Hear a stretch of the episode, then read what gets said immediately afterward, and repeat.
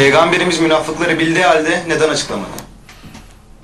Ee, güzel yüzüm onları kullanmak istedi. On, onları sezilir.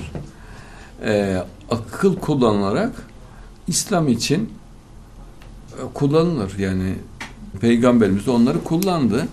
Mücadelelere gönderdi. Ee, çok muazzam ganimet getirdiler. Yani akıl almaz ganimet getirdiler.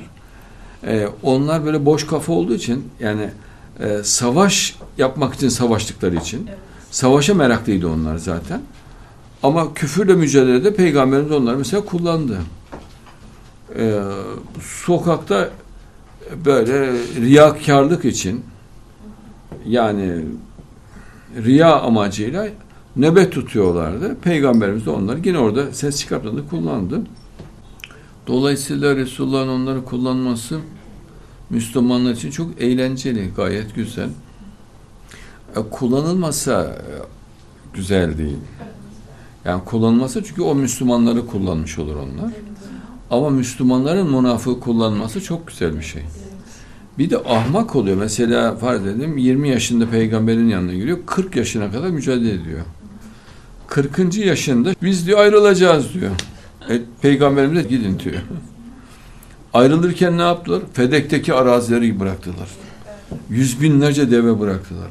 Yüz binlerce koyun bıraktılar. Çok fazla kadın getirmişlerdi peygamberimize. Savaşlardan. Müslüman kadın. Yani onlar İslam'a hizmet ettiler. Münafıklarla, kafirlerle mücadelede onlar da devreye girmişlerdi. Acayip can siperle mücadele ettiler. Ama 40 yaşına gelince içi kurumuş olarak hadi biz gideceğiz diyorlar. E, Peygamberimizden gidin dedi. Ve defolup gittiler. Hem müminler pislikten kurtuldu ve geride muazzam bir zenginlik bırakmış oldu. Kim karlı? Müslümanlar karlı. Ha onlar kendi teselli edecek lafır etmeye çalışıyor ama tabi yutmucuk oluyorlar böyle. Boğazına dönülen bir şey. Efendim, mesela e, deve gübresi temizliyorduk diyor yani kötü bir şey mi yapıyorduk diyor falan diyor. E, dolayısıyla Allah belalarını verir. Yani her zaman böyle olmuştur. Mesela Samiri de Hazreti Musa'ya acayip hizmet etti o zamanlar. Yani Müslümanların zengin olmasını sağladı. Çok büyük hizmetler yaptı. Ama sonunda defolup gitti. Tek başına yaşadı. Aşağılanmış olarak. Peygamberimiz zamandaki münafıklar da öyle. Can, 300 münafık vardı. Cansiperane hizmet ettiler. Sonra defolup gittiler. Bu Müslümanlara çok eğlenceli geliyordu onların o hale gelmeleri. Evet. Münafıkların en ağırına giden gazvelere çıkmaları ama çok fazla gayret ettikleri halde ellerine hiçbir şey geçmemesi. Ya dediler biz bu kadar gayret ettik falan hiçbir şey olmadı ama peygamber rahat, sahabiler rahat.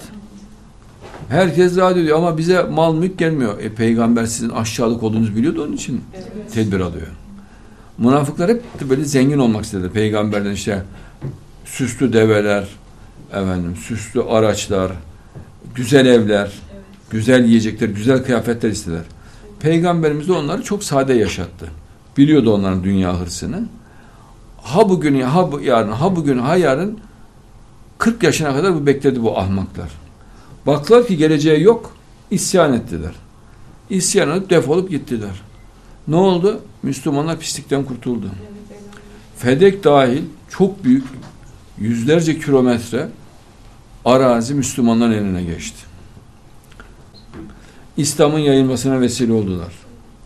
Sonra ayrılıp bittikten sonra da süper aşağılanmış olarak her yerde bunlara küfredildi, hakaret edildi, aşağılandılar. Yalnız başlarına yaşayarak, sürünerek orada burada öldüler. Sonuç bu. Müslümanlar ne oldu? Müslümanlar cennette. Bu aşağılık adamlar nerede? Gayya kuyusunun en dibindeler. Hepsi orada birbirine tanışacaklar. Onlar diyor bak Ali İmran Söz 168'de şeytanı Allah'a sunuyorum. Onlar kendileri oturup kardeşleri için bak oturuyor münafın özelliği bu ya diyor. Bak ne kadar rahatmış diyor. Oturmak varken niye hareket ederim ya diyor. Eğer bize itaat etselerdi öldürülmezlerdi diyor şehitlere.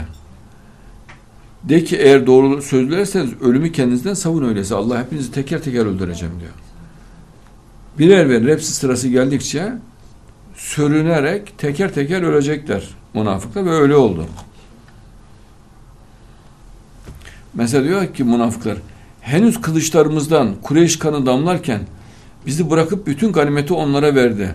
Savaş gibi zor işler olunca biz çağrılıyoruz. Bak münafıkların en ağırına giden budur.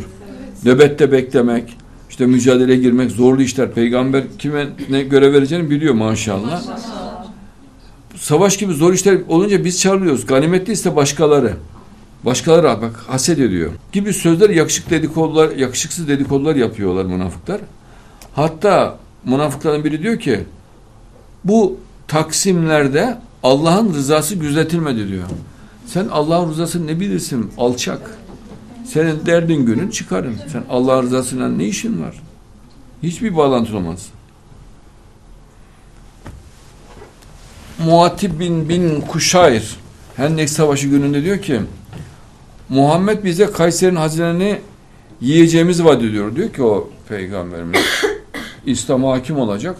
Deccaliyet yeryüzünden kalkacak diyor. Bak Kayseri'nin hazinelerini yiyeceğimizi vaat ediyor. Halbuki bizden birisi ihtiyaç görmeye giderken bile güvenlik içinde bulunamıyor. Zaten korku içinde yaşıyoruz diyor. Bunun üzerine Allah Celle, Celle Celaluhu indirdiği ayette şöyle buyuruyor. O vakit münafıklarla kalplerinde bir hastalık bulunanlar Allah ve Resulü bize boş bir aldanıştan başka bir şey vaat etmemiş diyorlardı diyor.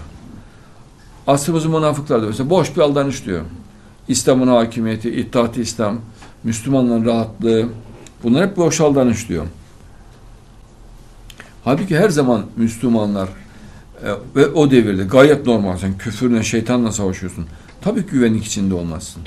Ama sonra ne oldu? Acayip bir güvenlik ortamı oldu. Ama emek verilince, mücadelenin sonunda oluyor. E, emek vermeden olur mu? Mesela Havazin Hüneyn Savaşı'nda ganimet olarak elde edilen münafıkların e, öncülüğünde bu elde edildi. 24 bin deve, 40 bin davar, 4 bin okiye gümüş. Ciğerlerine oturdu. Bu hepsi Müslümanlara bıraktı münafıklar giderken.